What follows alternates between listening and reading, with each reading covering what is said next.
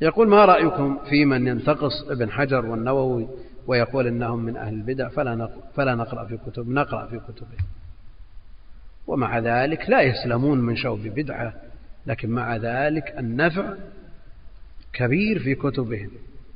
وأثر هذه البدع في كتبهم مغمور بالنسبة لما اشتملت عليه من علم ونفع من يستغني عن فتح الباري أو شرح مسلم أو المهذب أو غيره. ومع ذلك لو تولاها أهل العلم بالتعليق عليها وبيان هذه الأخطاء كما فعل شيخنا في أوائل فتح الباري.